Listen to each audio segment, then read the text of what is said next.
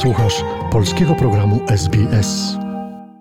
Sytuacja na Ukrainie. Aktualne informacje.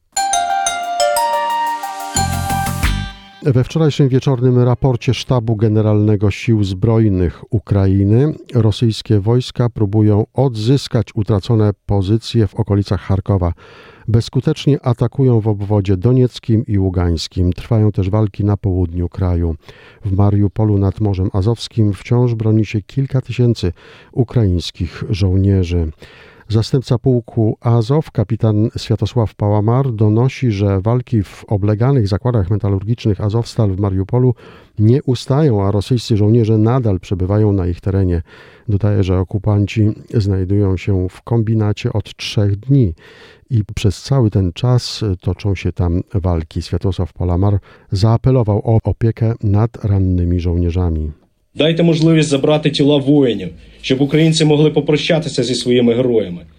Dajcie możliwość zabrania ciał żołnierzy, aby Ukraińcy mogli oddać ostatni hołd swoim bohaterom. Reaguj odpowiednio na sytuację, w której przeciwnik nie przestrzega żadnych norm etycznych, konwencji ani praw, zabijając ludzi na oczach świata, ciesząc się pobłażliwością i bezkarnością. Chwała Ukrainie.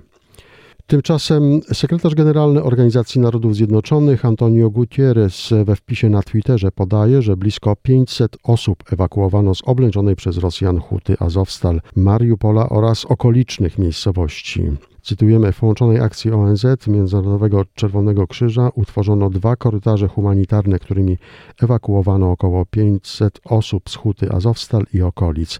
Mam nadzieję, że dalsze wysiłki Moskwy i Kijowa pozwolą na otwarcie kolejnych korytarzy humanitarnych dla cywili, dodaje Antonio Gutierrez.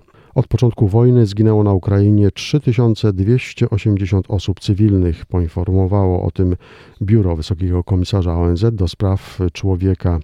Według ustaleń biura 3451 cywilów zostało rannych. Większość ofiar spowodowały rosyjskie ostrzały artyleryjskie i rakietowe, a także walki lotnicze. Biuro podkreśla, że rzeczywista liczba ofiar jest o wiele większa, gdyż brakuje danych z regionów, w których trwają walki. Chodzi tu przede wszystkim o takie miasta jak Mariupol, Wołnowacha, Izium, Siewierodonieck i Rubiżne.